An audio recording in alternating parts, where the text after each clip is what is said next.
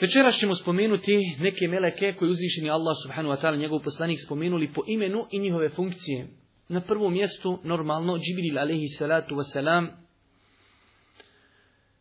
čija osnovna zadaća je bila objava, povjerenik objavi, ali mimo toga Džibril alaihi salatu wasalam je imao druge obaveze i činio je mnogo drugih dijela. Pa primjera radi, Žibril alaihi salatu wasalam je učestvovao u borbama sa ashabima. Jedne prilike Allah poslanik je kazao ashabima, dvojice ashaba, idite vas dvojica, borite se, sa jednim od vas je Džibril, a sa drugim je Mikail. Koji od dvojice ashaba je to rekao poslanik?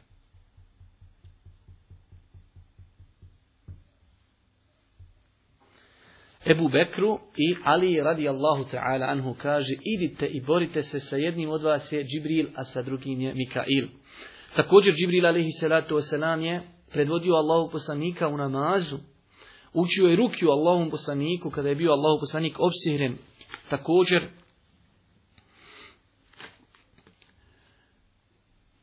tu su još neka djela koja je radio Džibril alaihi salatu wasalam želimo samo da rezimiramo i da kažemo da Džibril alaihi salatu wasalam je radio i još neke, drug, neke druge radnje osim što je bio zadužen za objavu. Na osnovu toga velik broj islamskih učenjaka kaže da je Džibril alaihi salatu wasalam najodabraniji melek kod uzvišenog Allaha subhanahu wa ta'ala.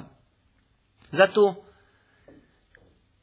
Allahu poslanik alaihi salatu wasalam jedne prilike kaže Džibrilu šta te to osporava, odnosno, zašto nam češće i ne dođeš? Allahu poslanik je volio društvo Džibrilovo, pa kaže jedne prilike, šta je to, zbog čega nam ne dolaziš češće? Pa su objavljene riječi uzvišnog Allah subhanu wa ta'ala, وَمَا نَتَنَزَّلُ إِلَّا بِأَمْرِ رَبِّكَ A mi silazimo samo po naredbi gospodara svoga.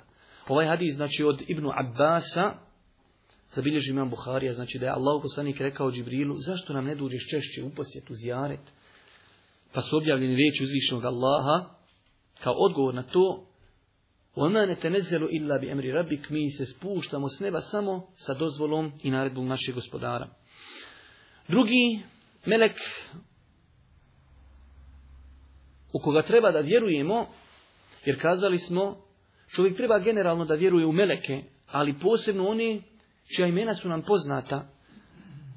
Jedan od ti meleka čije ime je spomenuto jeste Mikail. Imam Ibn Kesir, rahmetullah jalih, na osnovu nekih predaja za koje su određeni učenjaci kazali su vjerodostojne, kaže da je on zadužen za bilje i za kišu.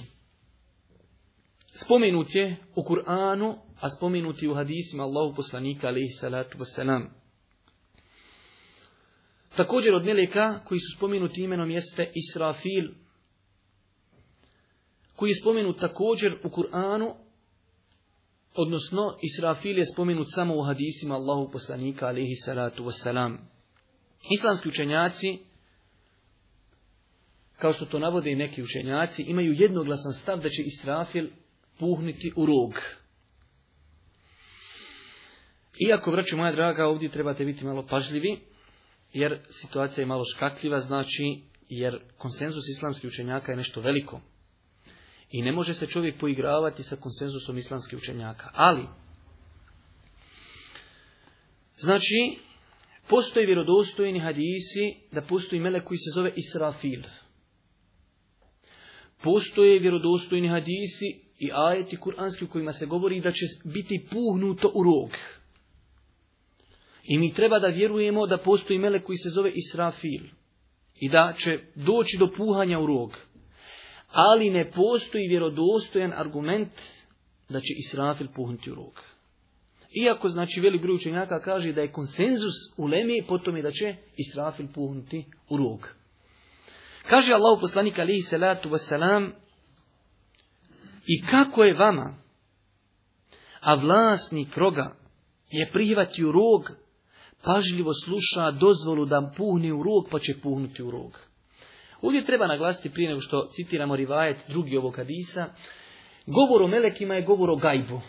I braću moja draga, o gajbu se ne može govoriti osim na osnovu kuranskih ajeta ili na osnovu hadisa vjerodostojnih.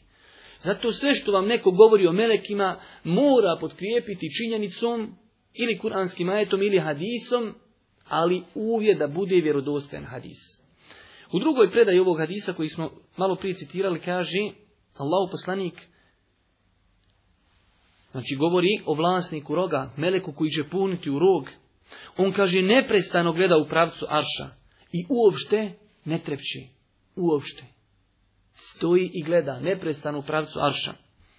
Bojeći se, kaže, da mu ne bude naređeno da puhne u rog prije nego što trepne. Znači on se boji ako bi trepnuo, možda u tom baš momentu mu uzvišen Allah naredi da puhne u rog.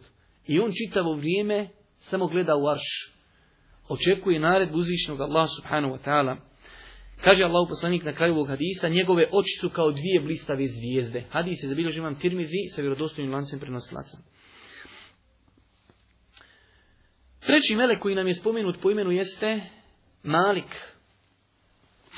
Ko zna šta je posao ili da reknemo funkcija Malikova. Evo imamo jednog brata. Dvojicu, mašala.